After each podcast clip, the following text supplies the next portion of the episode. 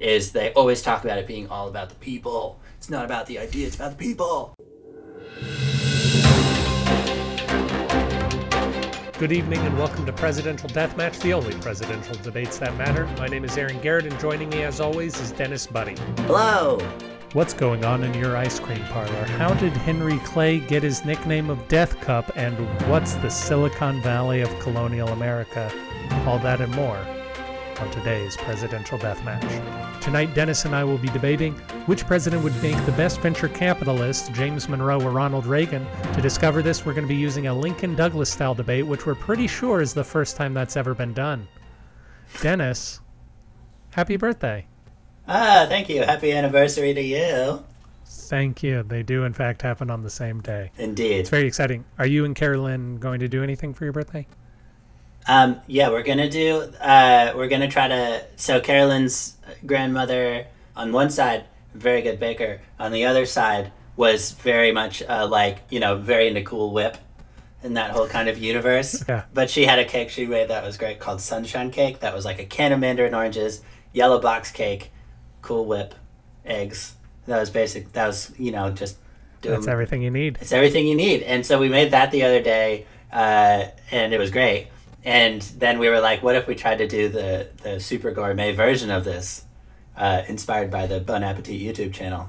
Tomorrow, I think we're gonna like try to take all day to make like a from scratch version of that uh, as cupcakes, and then do some other you know crazy things to make it fancy. Oh, very cool. That sounds like a lot of fun. Indeed. What about Uh-huh. y'all? Uh, so we on Wednesday because it currently it's closed on Mondays, and we play board games on Tuesdays, and that does not move for anybody.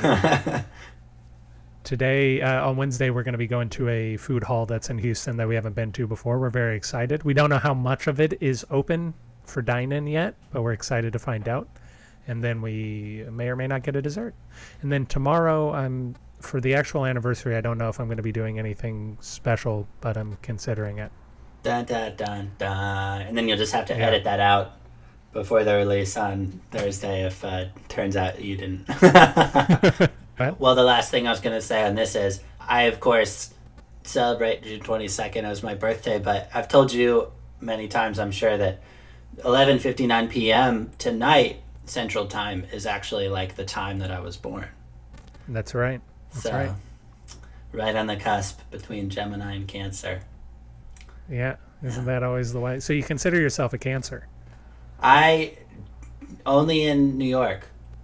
Okay, that makes sense. Gemini is the place to be, and Central Time Zone is the place to be as well. Indeed. And what could be more Gemini than having two zodiacs? Fair enough. I I uh, consider myself a special Gemini because my brother and I are born on the same day. Ah, yes. Yeah, many years apart, but the same day. But still an evil twin, good twin kind of situation. Yeah, definitely. Like a fishing twin, theater twin, that classic dynamic. We had a debate last week. Do you remember what we debated? Oh, well, now you're putting me on the spot. I am. Um, we. I'm really I'm panicking now. That's all right. HOA president. ah, yes, We debated course. which president would make the best HOA president, Richard Nixon or Andrew Jackson. That is currently tied. We still have a week to vote on that. Get your Two votes weeks in. ago, hmm two weeks ago, we voted on which president would make the best cardio ball captain, and much like it was the first time around, George Washington unanimously elected. The first time that's happened in presidential deathmatch history. Wow. Uh, everyone is confident that George Washington would make the better cardio ball captain. That's so, funny. Congratulations, Dennis. First time in American history and first time in PDM history. I feel like I remember, even if the vote didn't end up getting placed physically, I feel like I remember via text being told that Washington was not the choice by one of my brothers. So, Oh, interesting. So yeah. this- So I guess Yeah. he, he did not feel strong enough to make his voice heard. this is I would why also you, like to you know, this is why Yeah, you got to turn up at the polls. You got to vote. Yeah, yeah, yeah. Uh, hopefully, there wasn't a case of voter fraud, Yeah. and someone didn't disenfranchise your brother of his vote. Well, I do know that every vote that I put in for George Washington, I used the name of dead people that I'm familiar with. So, That's good. Primarily George Washington. So if there were exactly 16 votes, then that was only the dead people that I put in for my vote. Dennis, we had a, uh, our debate last week. Retractions. As far as I know, we have no retractions from last week, and we were in fact perfect. Unless you have any retractions. I don't think I have any retractions, but I thought that you had said that you. I thought that you had said. I did text you something, didn't I? Yeah, you I, texted I me am now remembering that I texted you earlier in the week saying I want to talk about two things. the annexation of Hawaii Oh, that is true. and the fund speech. Oh yeah. All right. So I now apologize for saying that we had no retractions this week. We have I a retraction. error.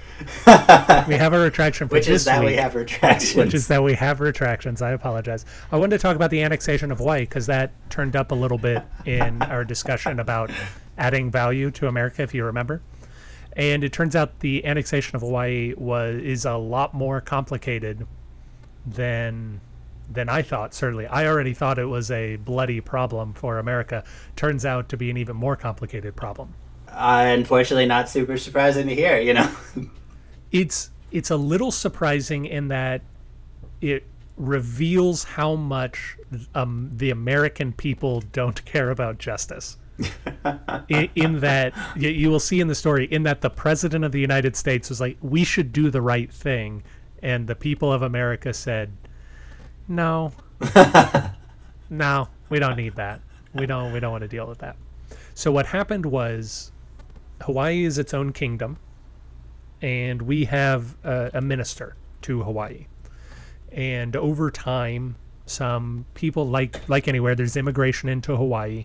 So there are native Hawaiians who are born who have family in America and have financial ties to America the minister of Hawaii thinks it would be a good idea to get rid of the royal family and install a group that is more favorable to American interests he does this during uh, the period of imperialism, which I remember you were talking uh, talking glowingly about. Uh, we need to take over weaker countries so stronger countries don't take them over before we get a chance to. That was you and McKinley's position, and McKinley's going to factor into this in just a moment. This is a time of imperialism when England's taking over a lot of places and. Uh, and Spain is as well. And so the our, our minister to Hawaii says we want to overthrow the royal family, install people and ideally make America an imperial nation with its first holding as Hawaii. So that's the plan, and the plan goes off without a hitch. He finds some native born Hawaiians who have money interests in America. He gets them to uh, overthrow the Hawaiian government by making a pretext for sending soldier American soldiers to Hawaii without President Grover Cleveland's knowledge. This is President Cleveland's second term, Grovicle and who is this is doing this? the minister to Hawaii, whose name escapes me at the moment. Let me see Ah, if I can look him up. And after it's happened, he comes up to Grover Cleveland and says, uh, "I overthrew Hawaii." And Grover Cleveland was against imperialism and said, "No, I I don't want to have anything to do with this." And then he also said, "And by the way, I'm going to send my guy down there uh, to draft a report and see if what you did was illegal." The Blount report comes back and says, yeah, we definitely illegally overthrew the royal family of Hawaii. We shouldn't have done that. And Grover Cleveland said, okay, then obviously we need to put the royal family back on the throne. We need to reverse the bad thing that we did. Sure. And the Senate said, no, we're not going to give you the money. We're not going to give you the troops to do that. We don't want to do that. And the Grover Cleveland went to the people of America and said, hey, listen, this is what we did. We need to make it right. And the people of America said, no, I do not want to spend my money to reverse. We've already done it. And then he said, okay, do you want me to annex Hawaii then? And they said, no, we don't want another territory either. Just leave it alone. So then he said, okay. So the, the minister to Hawaii overthrew the government in order to make it a territory of America, but it doesn't become a territory of America. And Hawaii has overthrown its royal family and now creates the Republic of Hawaii, kind of like the Republic of Texas. Then what happens is we have the Spanish American War during McKinley two years later. Because I think an interesting thing that we sometimes forget is that American history is a lot shorter than we expect. And there's a lot less space in between these people. They're only in charge four years, four Yeah. years. Yeah. Oh my gosh, like when I was reading about Monroe this week, and then like it was eighteen like twenty, and then Yeah. the Civil War was eighteen sixty. Like it was, it was like So, in any case, uh, Spanish American War happens, and America uses Hawaii as a, basically the Republic of Hawaii says, We're not helping Spain or America, but we're really helping America. And the and the American people said, "Oh, I really like that Hawaii helped us out. That was very useful. We should annex them." And the Republic of Hawaii said, "Yeah, that's what we've been saying this whole time. Let's get annexed." William McKinley, authorized to annex Hawaii. Hawaii uh, becomes a territory. It uh, becomes a state in 1959. The Hawaiian royal family still exists and is still a little bit upset because all this happened 130 years ago, not too terribly long ago. Right. During President Clinton's first term, America officially apologizes for its role in the annexation of Hawaii. That's crazy. I mean, that's my that is my lifetime at that point, which is just yeah, nuts. that's true. Just crazy. And then there's the fund speech, which I forget exactly what I wanted to say about the fund speech, so we can move on. Except that it was a, a really good example of Richard Nixon's political acumen. He was going to be dropped by the Eisenhower ticket Yeah. because people were accusing him of appropriating money. And so Richard Nixon, the first president to ever use television, Richard Nixon, buys a slot on TV where he just lays out his entire budget, like every dollar he's made over the last 16 years and where it went to. It is a, a very exciting time. Yeah. And it's well worth watching parts of the speech on YouTube. oh, that yeah. I should. I mean, I should have done that last week, but I should do that. it's easy to see in a post Watergate world and in a we talked about last week as well the SNL presidents Right. how we we just caricature these presidents a lot and Nixon has gotten this caricaturization of this kind of greasy slimy obviously corrupt guy but in 1952 you can see this young passionate rough around the edges but you can see where his charisma is and you can see why people trusted him Yeah. Probably in that roughness a little bit is the charisma. yeah Yeah. Exactly. I. I mean, I. If I was a VC, I bet I would end up investing in him. Well, we're going to talk about that. So those were my two retractions. Presidential Deathmatch regrets the error, and we regret the error that we said we made no That errors. this is totally got it. Three retractions this week. Dennis, we're talking about which president would make the best venture capitalist this week, and since you are a lot closer to the startup world than I am, why don't you tell us a little bit about what a venture capitalist is? Yeah. So I definitely don't want to pretend to be uh, super informed. Yeah, I mean, so basically, there's firms like in Austin and in the disco and stuff where they invest in companies and that they think need investment in order to conquer the planet. So I think even maybe just to bring up an extreme example right away, there's a there's a fund, there's a guy named Masayoshi Son in Japan, and he's he ran this SoftBank situation for a long time, and he was really successful. He's like a pretty amazing person in his own right. Ends up getting involved, convinces SoftBank to give him a hundred billion dollar fund. No, is it a? It's like a maybe a hundred million, but if he decides, oh, this company is the winner in this uh, section, when you know if he has the eye for it, then he would just give them as much funding as they needed to win the game, and the, the win against the competition, Right. and then also just 10 times more funding than that because it was like why the hell not so like the uh, one of the examples that gets thrown around a lot is this dog walking company called wag like you know where you can get a dog walker on your Yeah. phone or whatever there's a bunch of those you know all around dog sitters and all that stuff you know a bunch of different competitors and then he just like gives so much money to this one and now you're just seeing people in, in like austin you see like everyone's got his t-shirt on you're like why is everyone wearing like a dog walker like t-shirt? You know what is happening? And then and like why do i know so much about this dog walking company? Why am i getting ads like on hulu and between everything i do in my phone and everything? And then they just take over because like what are you supposed to do? So then he was really successful because just fund them till the end of time. Story with with SoftBank is they were the big WeWork fund, Right. um, and WeWork, you know, uh, was you know a CEO who uh, is the kind of guy that VCs invest in who end up not having the best portfolios. He's like the exact, I think, and obviously I don't know him. Adam Neumann, I think his name. But Yeah. like, it's the the whole issue with the VC thing in the tech universe is that it makes it so that the best CEO, the CEOs that are getting the most funding are the best salesmen.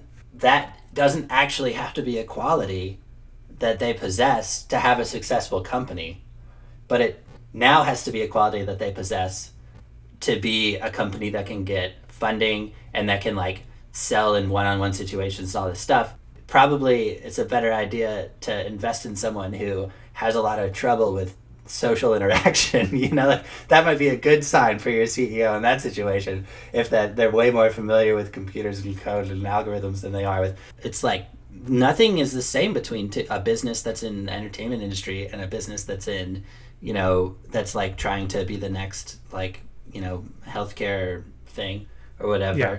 and then and but then they find themselves like uh, essentially a venture capitalist is someone who has money whether it's their own money or other people's money and they are going to invest it in ideas and startups with the hope of making a profit. It's speculating on companies as opposed to goods right? Right. Yeah yeah. Yeah. Well, I think an interesting distinction to be made because we talked uh, a little while ago about potentially doing one on which president would run the best startup. A good differentiation between a president who is a business owner or CEO and a president who's going to make a good venture capitalist is that a venture capitalist probably wants a lot of fingers and a lot of pies. They really only need one thing to pay off, whereas a CEO needs that idea to do well. The venture capitalist has the ability to bet on a lot of horses. Uh, One sentence that I read this week when I was researching venture capitalists and some of the problems with venture capitalists is that a win for them isn't necessarily one for you. A venture capitalist is probably going to be pushing you to cash out early. Yeah, totally. And and it's something that they talk about a lot when you're trying to grow your business is like get investment if it is the difference between your company and not your company. But like Right. because because the VCs are going to be in control of your decisions, so they like they're going to be there's going to be a board and they're going to really push you to make certain choices. And then as a CEO, that's all of a sudden that's your whole life is like making sure you're doing the right thing for them and all that stuff. So if you're a business that's making money and has an idea of how you could grow like to become something massive don't get investment because because like because that's a relationship that you don't need but i think that on the other hand that the thing that makes a really good vc then is someone who takes part in the company in a way that is like real So, so let's talk about some presidents and how they may fit into the world of venture capital. I think that certainly, in order to, you have to have access to capital, right? You cannot be poor and a venture capitalist necessarily.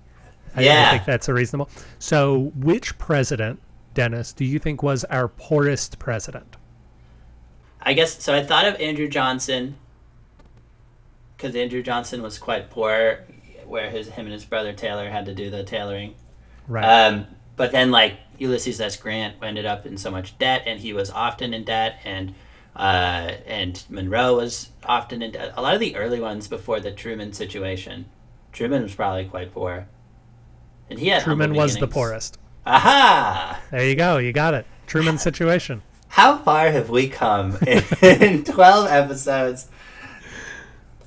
For You, me, you, you figured it out. yeah. Yes, Truman. Truman is in fact the entire reason why uh, the United States raised the salary of the president from fifty thousand dollars a year to hundred thousand dollars a year, and they established the pension, uh, the United, uh, the president's pension, so that Harry Truman could get a pension, and also uh, Harry Truman and Bess were the first people on Social Security.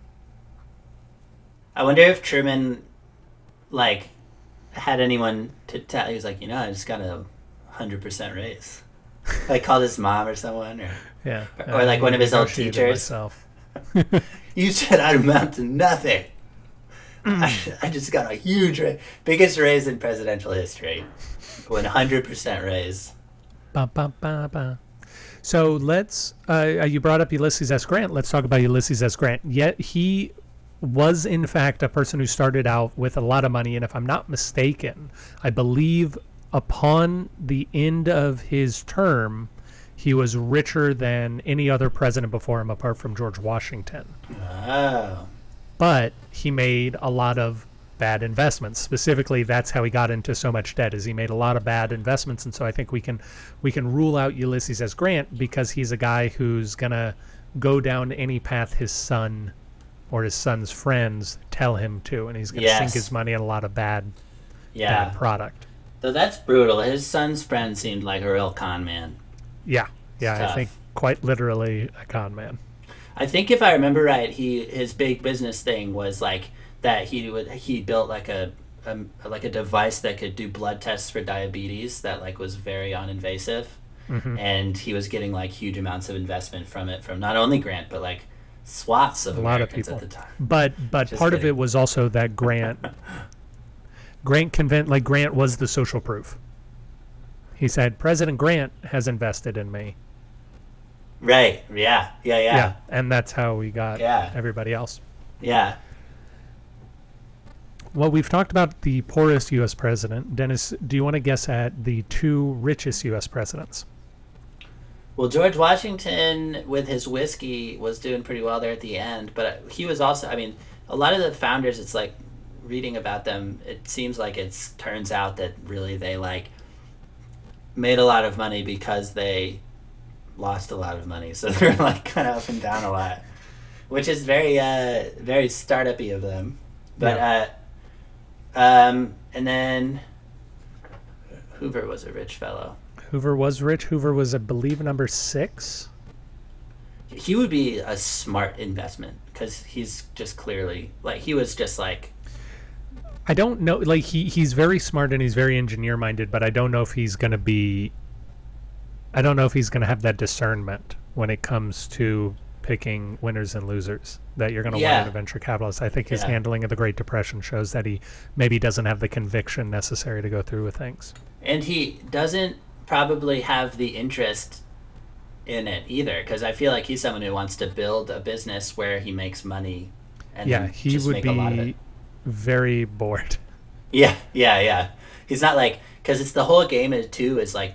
So I do think one key thing, and this is I think why this has come out in the way I've been thinking about it, is it it takes one to know one kind of situation. So your VCs in general are people who are retired people that sold a business for a hundred times, you know, the investment that was put into it or whatever, and so now they're like. I know how to do it because I did it. Maybe I even did it three times. So now I'm going to start investing in businesses that I know could make a hundred times what we're putting into them. And uh, the, and the other thing I think to note is they always talk about it being all about the people. It's not about the idea. It's about the people. Um, so. Um, Can you can you give me some more of that character, please? Uh, all right. So I've got. Uh, hold, hold on a moment. I uh, hello. Thank you for uh, potentially investing in the Whig Party. Uh, I'm Henry Clay, of course. I really want to beat Andrew Jackson, and I think Whig policies are really going to resonate with America. Uh, I just we're having Cool. trouble getting I, national. you can tell me about the policies later. All- I want right. to know who is Henry Clay. Who? What's your nickname, bro? Uh, you know, you I go go by? by? I go by Senator Clay, a lot of times. Uh, I don't know if that's gonna fly. Uh, could you? Uh, do I need a, a nickname? I wasn't necessarily planning on being the face of the Whig pa- party. What about Death Cup? I don't. What does that we'll mean? call you Death Cup. uh, Cup. what if you just called it? So, like, my big success is the Missouri Compromise. Could we call me like Compromise? That that'd be, that's a cool Ah. nickname, right? No compromise. Maybe no, no, compro. no, no, no. Actually, I like that it's got a kind of Spanglish ring to it. That's very cool. all, all right, all right. And uh, this Missouri Compromise, what kind of return did you get on that? Uh, well, you know, we got Missouri into the Union, so two senators and uh, two House of Representative seats. That's for sure. Uh, okay. Yeah, so that's. Uh, I mean, I think that's a, a pretty big, pretty big thing. What's your computer science background? that actually made me doing that little bit reminded me that another big one is that the not only the person but the per, looking at how that person can construct a team, and only and that's a of interest just as the person being a good judge of someone who's it's kind of hard to but that person who's being the judge of it also has to have a good sense of not only people but also like people that'll work well together and stuff just as much as the I'm glad you brought that up because I wanted to talk about a a president who's probably uh, he he's a flashy talker. He's a guy that I think you're going to try to get in bed with if he offers you funding. You're going to take it, but he's going to push you to sell too soon and probably do uh, some some uh, unethical tactics, and that's Warren Harding. We talked about him. No, we cut the discussion of the Teapot Dome scandal out of last week. So I think Warren Harding shows the precariousness of of some VCs uh, by uh, by showing constructing a team that is more interested in profit and showing how that falls apart mm-hmm. right at the end. Oh, Pierce.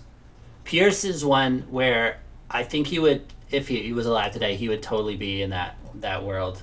Oh yeah, living out in San Francisco, but he, and he would, but he would be, you know, business after business probably. Well, I don't know. It's hard to say. I, I feel like he would maybe have sold that one business, you know, that that Mm-hmm. and then become a VC, and then just have the worst portfolio, you know, where like where he just like is seeing people who are like him and investing in them regardless of whether they're really any good at all. he he was loyal to a fault. Franklin Pierce, that's for sure. Although very stable team, he had one of only two cabinets that persisted his entire presidency. Interesting. Yeah. So maybe he'd be an okay one. I think actually it, there's a there's an interesting tidbit as far for Civil War buffs that may or may not be Franklin Pierce is good at his job. Franklin Pierce, his Secretary of War was Jefferson Davis, who would later become the President of the Confederacy. Jefferson Davis modernized the Union Army that would later crush him as he was president of the Confederacy. So in that way, certainly the presidency of Franklin Pierce raised the valuation of the United States of America. Ah. So that makes me think of it. I, don't- I know we should tie this up soon, but it makes me think of an interesting kind of separate question, which is what do you think the Silicon Valley was of like 1800s America or like from of founding America? 1800s America would uh, 1800s America would have to be industrial revolution for the most part. I would imagine in the creation of the stock market like that. So idea standardized oil as well oil oil in the later 1800s around um, the 40s 50s before that would have been invention just the idea of invention. So this is when uh, the telegram is invented which i believe is invented in america. Eli whitney invents the cotton gin. It's all efficiency. It's trying to it's very similar to computers. It's trying to take um, use technology and Yeah. electricity which is relatively new um, trying to use that to remove a lot of the hard labor human element from things. Yeah, it's an interesting thing to see like the you know the way that things get disrupted by new technology like slowly over like slowly like this. And then that's interesting thing I'm seeing right now too is the way that the tools that technology is able to create are now being used to disrupt. So it's not the tech itself so much as the tools like better design tools lead to better design that can be kept up with that then creates a disruptive product so it's still technology but it's like the, it's like the things that disrupted with new technology are now dis- are now being used to disrupt other things. It's kind of nuts. The Yeah. progress is nuts. I was gonna say Virginia, but that's I- really just because it helps my argument. i was going to say uh, technically it would be new york in the north It would be Right. where the banks are yeah, yeah, for yeah, New York City, yeah, for sure. Still today, where the banks are, Delaware. Del- Delaware's always really been. Isn't Delaware always really been the Silicon Valley of America, even today? yeah that's why you gotta gotta vote biden dennis do you want to learn a little bit about on this day in presidential history On this day, I do. The more I learn about this, the weirder it is. We're talking about June 25th because this episode's being released on June. 25th. ah. I was like, my birthday. Oh, should we look up? I'll look up while you're talking. I'll look up June 22nd too, just because, uh, you know. Imagine Okay, I, I closed my eyes. it is early 1900s America. You have I'm just there. yeah, you're there. You have just moved to uh, big city Chicago. Oh. You don't know Okay. anyone in Chicago, but you're here to make your fortune. You're going to get yourself a little treat. So you go into an ice cream parlor. All right. Yeah. So you go into an ice cream parlor. What do you see in the ice cream parlor, Dennis? Ah, I see. I see a man with a little white hat that's pointed on both ends and made of paper. Is he and white? he- of course. Mm, take another look. ah, He's probably Oh. Irish, isn't he? Ah, that's not white. No, no, none. uh, No, no self-respecting white person owns an ice cream parlor in these days. Anyway, keep telling me what you see. It's all important. None. Oh, jeez. Uh, and then on the wall, the walls there are. They probably didn't do newspaper wallpaper yet at that point. They, No, no, no. Ah, but they're selling the world famous egg cream Mm-hmm. that was pu- that uh, since the World's Fair has been the word has spread of it far and wide. So you It's- buy it's yourself an egg cream. My with apologies. bubbly water and chocolate syrup You sit down. and milk. You sit down, you look across, you see a lot of nice young ladies, seemingly respectable young ladies, enjoying their tiny dish of ice cream. but something sinister is happening. Dennis, what's happening? They're filling out ballots. No, not not quite yet. Thankfully, that's still about eight years away. Eight ten years from- That's ten eight- years away. Eight years from from what I've come to understand is early 1900s. We're in 1910. I should tell you, July Ah, 20, June okay. 25th, 1910. 19. You've just moved to Chicago. You're a young farm boy from Nebraska. You bought an egg cream from like an Irish man. That's the best you can hope for him is that he's Irish, but you just know he's not white. You're sitting down. You see a lovely young lady. She's eating her own egg cream. A man comes to sit down next to her. Oh wait, so what happens when I see the woman with the? Yeah. yeah what, what's Oh. going on? Woman's eating an egg cream, And then oh, and then a man comes and sits next and to a man comes and sits down next to her. What do you do? What do I do? What do you do? I say, you know what? I'm gonna paint this, and then I wait till nighttime so the lighting's better, and then I paint Nighthawks. Well, Dennis, you are now complicit in white slavery because on this day in American history, the White Slave Traffic Act, also called the Mann Act, was signed into law, which made it a felony to transport any woman or girl for the purpose of prostitution or debauchery or for any other immoral purpose.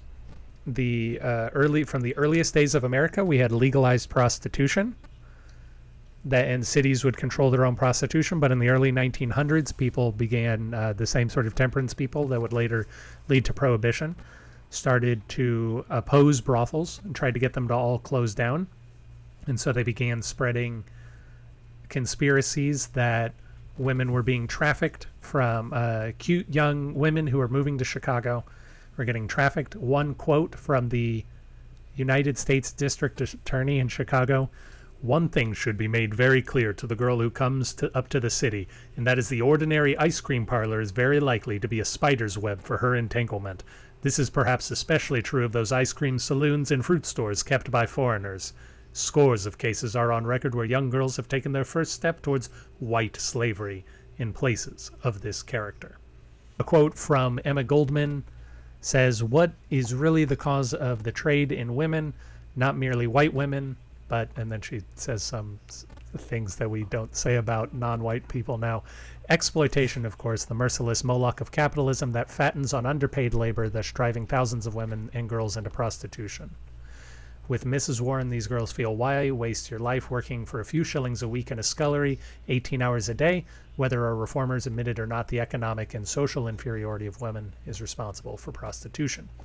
Over time, they began to, because the law, the Mann Act, only forbade um, debaucherous acts, the law began to be applied looser and looser. So the uh, in 1913, a boxer named Jack Johnson, uh, nicknamed the Galveston Giant, he was a Texas man. He was a black Texas boxer who was the world heavyweight. Um, have you ever heard the phrase "the Great White Hope"? No. Okay, good. It's racist. They- but there was this idea that Jack Johnson in the early 1900s, he was a black man from Texas who became the world heavyweight boxing champion. And so there was a call on uh, the former heavyweight champion from a few years ago who had retired to come out of retirement to beat Jack Johnson so that a white man would again have the title of world heavyweight champion and he was called the Great White Hope. Anyway, he was convicted and arrested uh, for racially motivated reasons under this law. He was pardoned by a president. So he was arrested in 1912. He was convicted in 1913. He was pardoned. He was given a presidential pardon.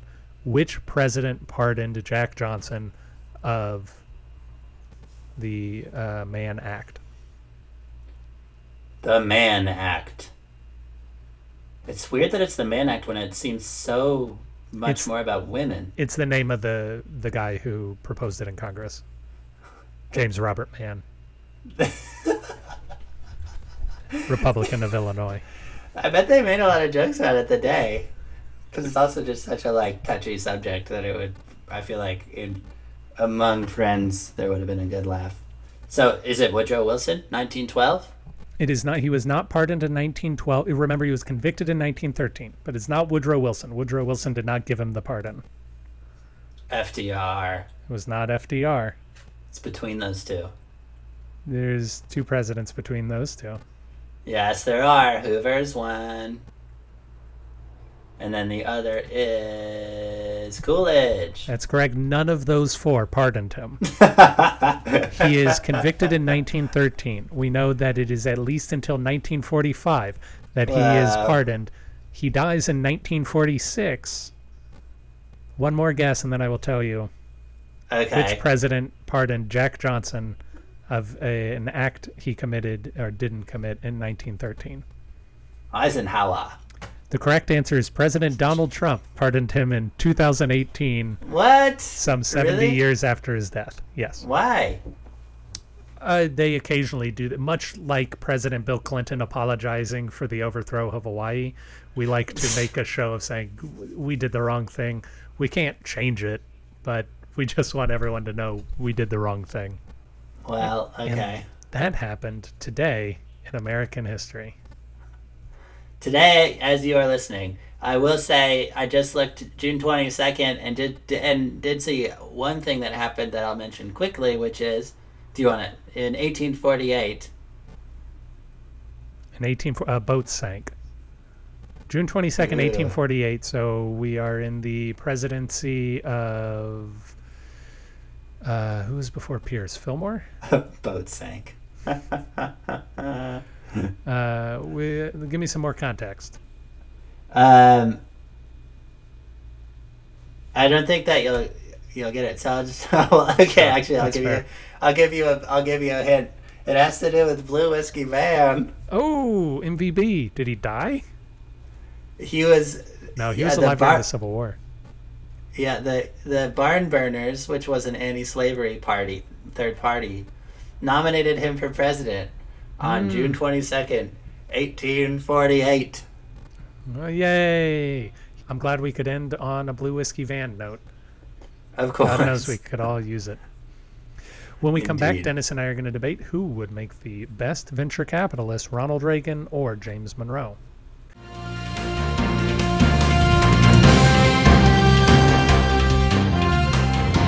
And we're back. Dennis is Dennis and I are going to argue who would make the best venture capitalist. Dennis has chosen, James Monroe. and I have chosen Ronald Reagan. Remember, as always, you can vote on who you think the winner of the debate is. The link to that poll will be in the description. Dennis, make your case. All right. So, James Madison, first and foremost, was a total bro.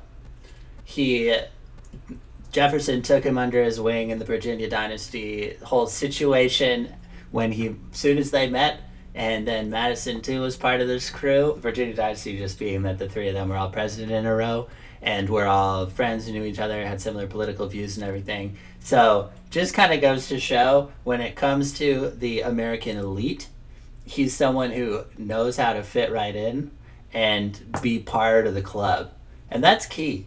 Also, he, uh, I, as I mentioned in our conversation, I really think with VCs, it t- it's a takes one to know one situation. Most venture capitalists uh, come from the startup world after having been successful and proven that they're someone who just knows how to do this. Um, and so now they want to help as many people do it as possible by advising them and giving them the capital they need. He's someone who he knows his way around capital, and he is someone who loved to he he lived what he sold. So he like wanted to be a warrior. He wanted to get out there, and even he was a soldier at a young age, but he kept wanting to do it, and uh, it was because he wanted that, and he kept going home to his farm, but then coming back and trying to get into politics again. And then by the time he was elected president, he it was it was practically unanimous both terms because he had spent his whole life trying to be the person that would get elected, and that's that same kind of bloodthirsty, uh, you know, fame before personality that uh, you want in your business CEOs as well. And I think he could see it because he is it. Thank you very much. My first question is about his uh, ability to sustain the amount of capital needed. James Monroe was financially insolvent for most of his life. You, in fact, brought that up earlier. Uh, so, despite the fact that he had a lot of assets, it seems as though he could not hold onto them and had to resort to selling off massive amounts of land, including the land he was living on, which was then sort of leased back to him. So, do you think that James Monroe possesses even the bare tools to get started in this arena? Well, I think that it was a pretty different time to to imagine someone who's president today having financial trouble. That might be problematic, but it seems like it's a less likely scenario. Um, and I think that putting him in that context, it's easy to imagine that he would be someone who wouldn't have trouble using his name, using speaking events. Uh, something he would probably enjoy doing to keep that money up and then also just using it to be part of a VC firm where there's other people as well and where there's a lot of businesses to invest in and then get that return. So it's because it's really one of these things where once you get started, uh, you're rolling because you've kind of formed a coalition with other people. And on the contrary of kind of what you were saying, he's someone who invested, ended up in the negative, invested in big ideas, ended up in the negative. That's actually exactly what you want in a VC. So as long as you've got that coalition with other people, I think that it's something that it's if you're that type of person, you've just found enough other ones that collectively you can be investing in enough things that you're getting that massive return every you know every you know 50th company or whatever. Um, and he's good at having those bros that would form that company with him and he's good at making those high risk choices. He's not afraid of them so just to be clear the fact that he has the audacity to continually make bets even though they never pay off is a strength in your opinion. So even though well, he never reaches that idea that actually he never picks the right dog walking company, just a just a yes or no, that's good. That that's what you said. No, because okay. he did because he does pick that dog walking because a good VC picks that dog walking company and then also 49 other companies that aren't that are that do fail, but all of them had a huge amount of uh, opportunity for capital, and then I think the other VC that you're doing better than it's sure. when it once in every hundred companies kind of thing. Yes, except I, I we will move on. He none of his bets paid off, and now we will move on. Uh, so James Monroe had the indignity to preside over the first economic panic in the United States, the Panic of 1819. This is potentially uh, directly from his refusal to raise tariffs on certain goods, which he was asked to do and he refused to do. He led into uh, this economic crisis, uh, which compounded speculation in public lands. It caused a downturn in in uh, the public's ability to purchase goods, and in fact led to Maryland trying to print its own money. So, again, is this just an example of James Monroe not being really spectacular with money? I think that it's an it's another example of him taking big risks with money and not being afraid to, and then also recognizing that um, that it's his own judgment that often will make the difference rather than just popular opinion. And so that's one example of it leading him wrong. But I would say maybe another example of it going a little better for him with money and with a big investment would be the Louisiana Purchase, which uh, he did at Jefferson, Jefferson's behest. Um, and at the table ended up negotiating for all of Louisiana instead of just eastern Florida and a couple other pieces. So, examples in both directions. And I think, yeah, like I was saying before, you know, that the tariffs issue, great example of a time when he took a big risk, was took had judgment on his of his own accord, and it went south. Uh, but I think that I do think that there are other examples where that wasn't the case for him. And one final question for you, Dennis. A lot of your argument for James Monroe has been the sort of steadying presence of Thomas Jefferson and James Madison, uh, his friends that can help buoy these big decisions. However, when those partners left the fold and James Monroe was in charge of everything, the Democratic Republican Party, which at that point was not only the dominant party, but the only party in America, began to fracture and dissolve. And so, is perhaps this strength that you have said something where facts are not in evidence, and uh, once the elder statesmen leave, is he perhaps out of luck? And does he perhaps not have the ability to hold the team together as much as you said he did? Well, I don't know. I think that what one way to look at it is the way you say, where the elder statesmen left and then the party, the singular party, started to dissolve. I think another way to look at it is that while he was president, there was no party conflict for a stretch of time, um, and that might speak to his and that along with uh, getting voted in uh, close to unanimously for a second term, minus one person who said, "I just don't like him," which you always want someone who's a little skeptical about you on your team uh, speaks is speaks to um, his ability to be likable. I think also the way that he uh, he had arguments with people and spoke his mind and yet at the same time had close friends and maintained team members and and discuss beliefs and like he wasn't afraid to disagree with Jefferson but he would talk it through and figure out how they could get to a common understanding and that's these are the kind of things that I think show that he valued his own judgment um, in a way that was important and then you know second term like the Monroe Doctrine uh, where he really said this is America's position um, as a com- in international policy. Like we will not let Europe expand any farther west anymore. But these are these are things that are risky and that are highly important uh, to America's future, and they're in they're investments that someone else might have been scared to make or not have had the cool headedness to make. And then he was there to be able to to do that. Thank you very much.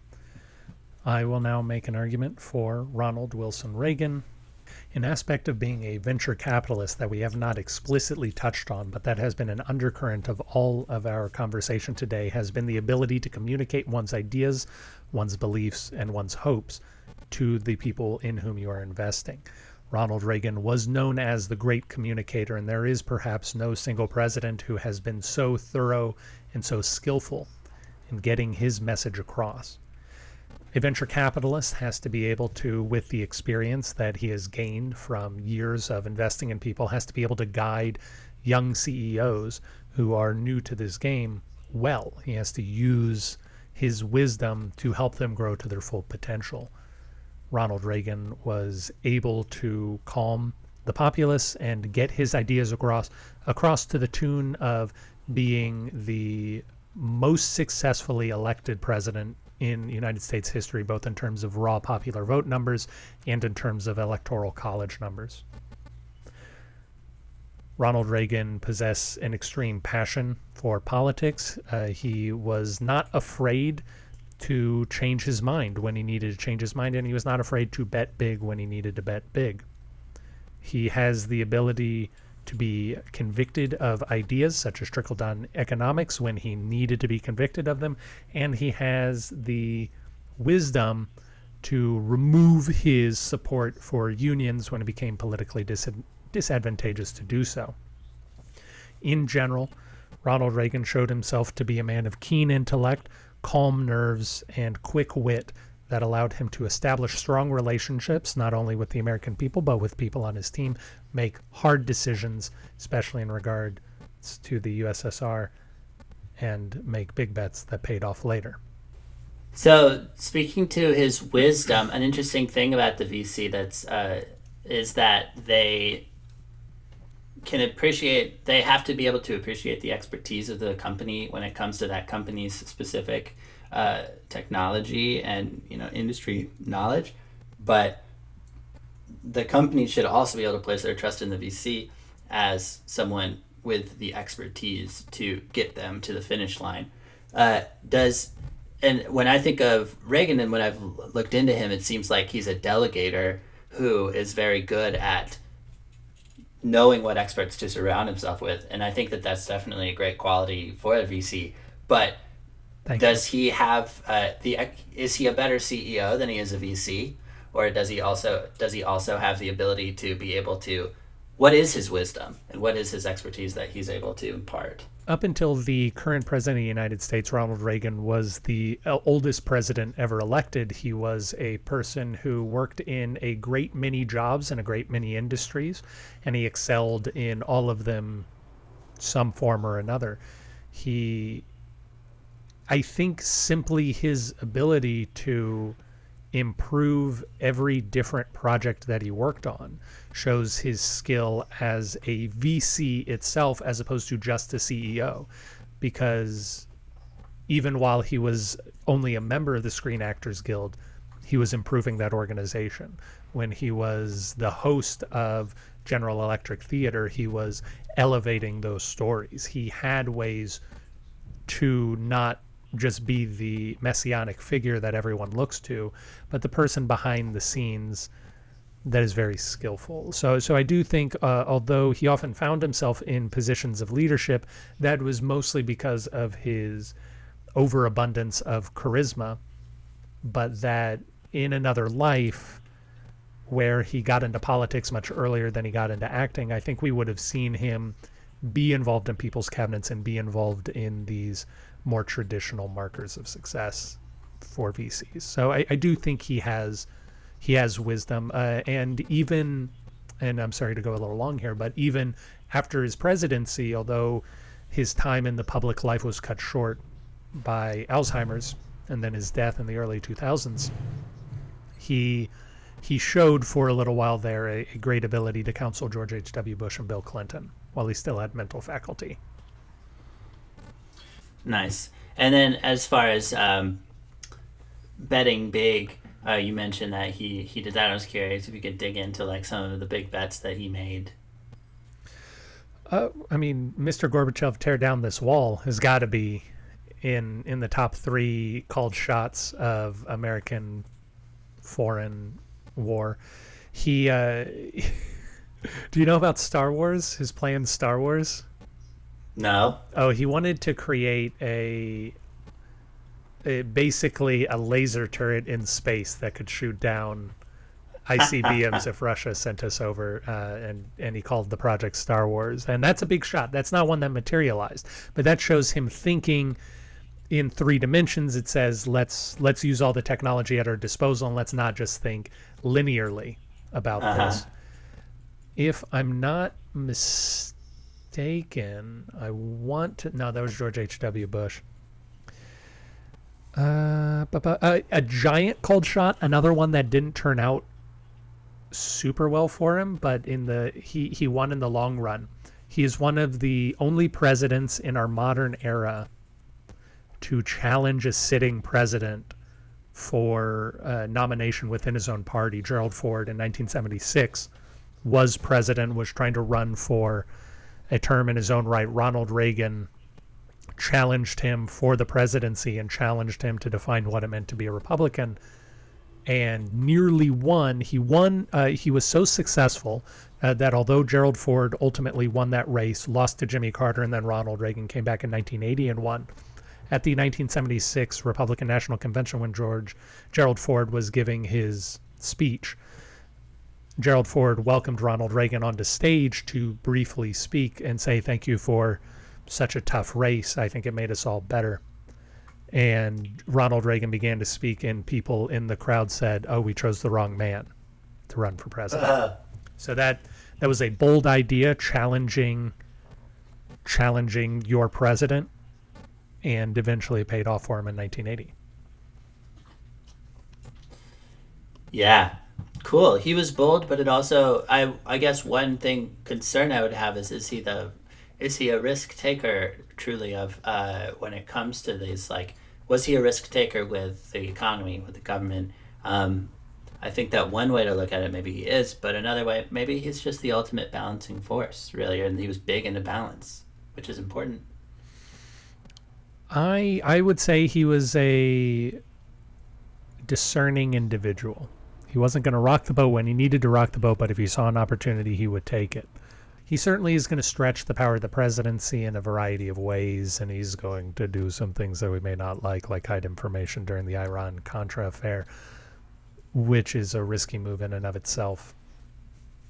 And he's going to do things like nominate Robert Bork to the Supreme Court. That was a big risk. That that risk didn't pay off, but it was a big risk. So he's not he's not risk averse. Indeed.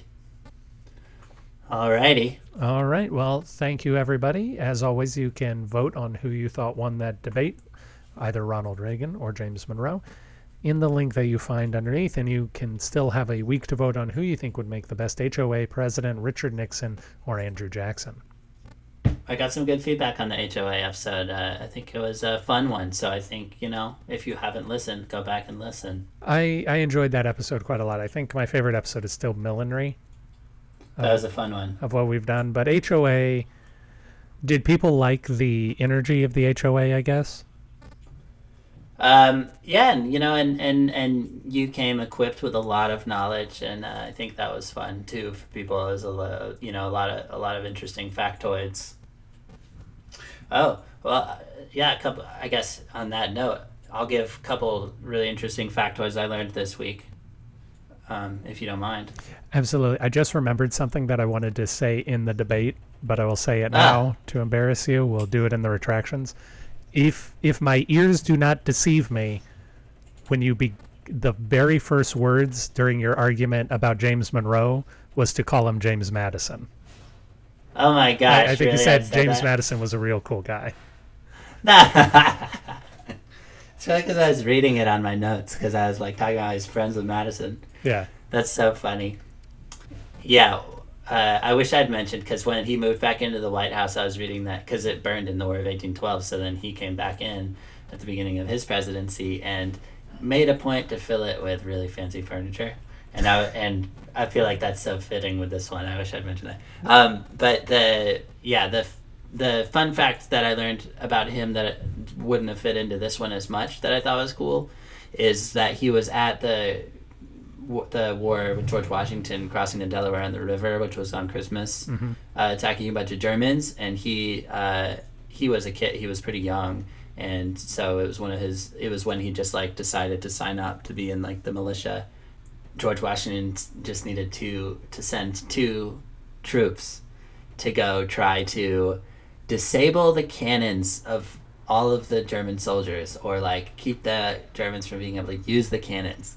And so Monroe and one other kid got sent to go on their own try to keep all of try to somehow get all the cannons to like not be able to be fired by the Germans. And they both got hurt obviously like in that ridiculous mission uh, and he yeah he ended up getting uh, yeah um, it was he got ended up getting like an artery punctured in his shoulder but had also been a scout for that battle and had befriended a surgeon. And so then when the surgeon saw that he was hurt, got to him really quickly. And so he ended up surviving because uh, he had befriended a surgeon before the battle, which I thought was interesting. That's really cool.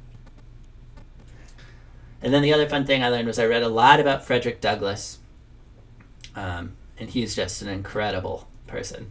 Yeah.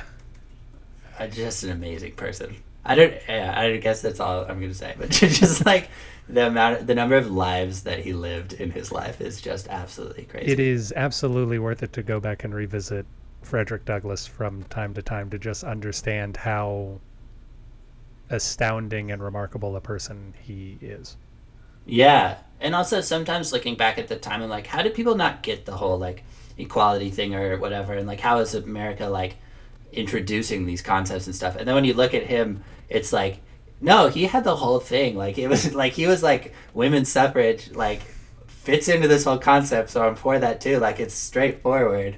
And like and then he's just like in this whole he was like this singular force being i mean there was other people too. But like being like what is the deal like everyone should be treated the same and seeing it you know even back then and stuff and he, like he was spoke at lincoln's memorial and it was like lincoln was pretty racist he said that like at lincoln's memorial which was i thought awesome if i'm uh, not he, mistaken Frederick Douglass was either the president or vice president on a ticket with a woman, right? I don't yeah. remember who it was, but she must have been a suffragette, right? Yeah. The yeah, I think it was the Free Soil Party or something. And uh, yeah, I read that too. And he wasn't aware that he'd been nominated and then just didn't campaign. It's very exciting. Everyone, please remember to vote in the poll, and you can always send us any sort of information at contact at pronoiatheater.com. If you were interested in some of those Monroe facts that you learned from Dennis, you can hear them in a much shorter and slightly more ridiculous version in God Kings episode one, which should still be up on our Facebook page. And in two weeks, we're going to be doing another Pronoia Theater. We'll be doing another production, Space Train episode tentatively titled to Gabrielle on her 37th July, the fourth day. That'll be on July 2nd. We hope you enjoy it and have a good, good, good, good evening. Thank you for listening to Presidential Deathmatch. Presidential Deathmatch is a production of Pronoia Theater. You can find out more about us at pronoiatheater.com. We sure would like to hear from you. If you have a thought on this episode or anything else, please email us at contact at pronoiatheater.com If you enjoyed today's episode, it sure would help if you subscribed, rated, and reviewed us wherever such things are convenient for you. And if you didn't enjoy today's program, why don't you try again next week? We grow on you.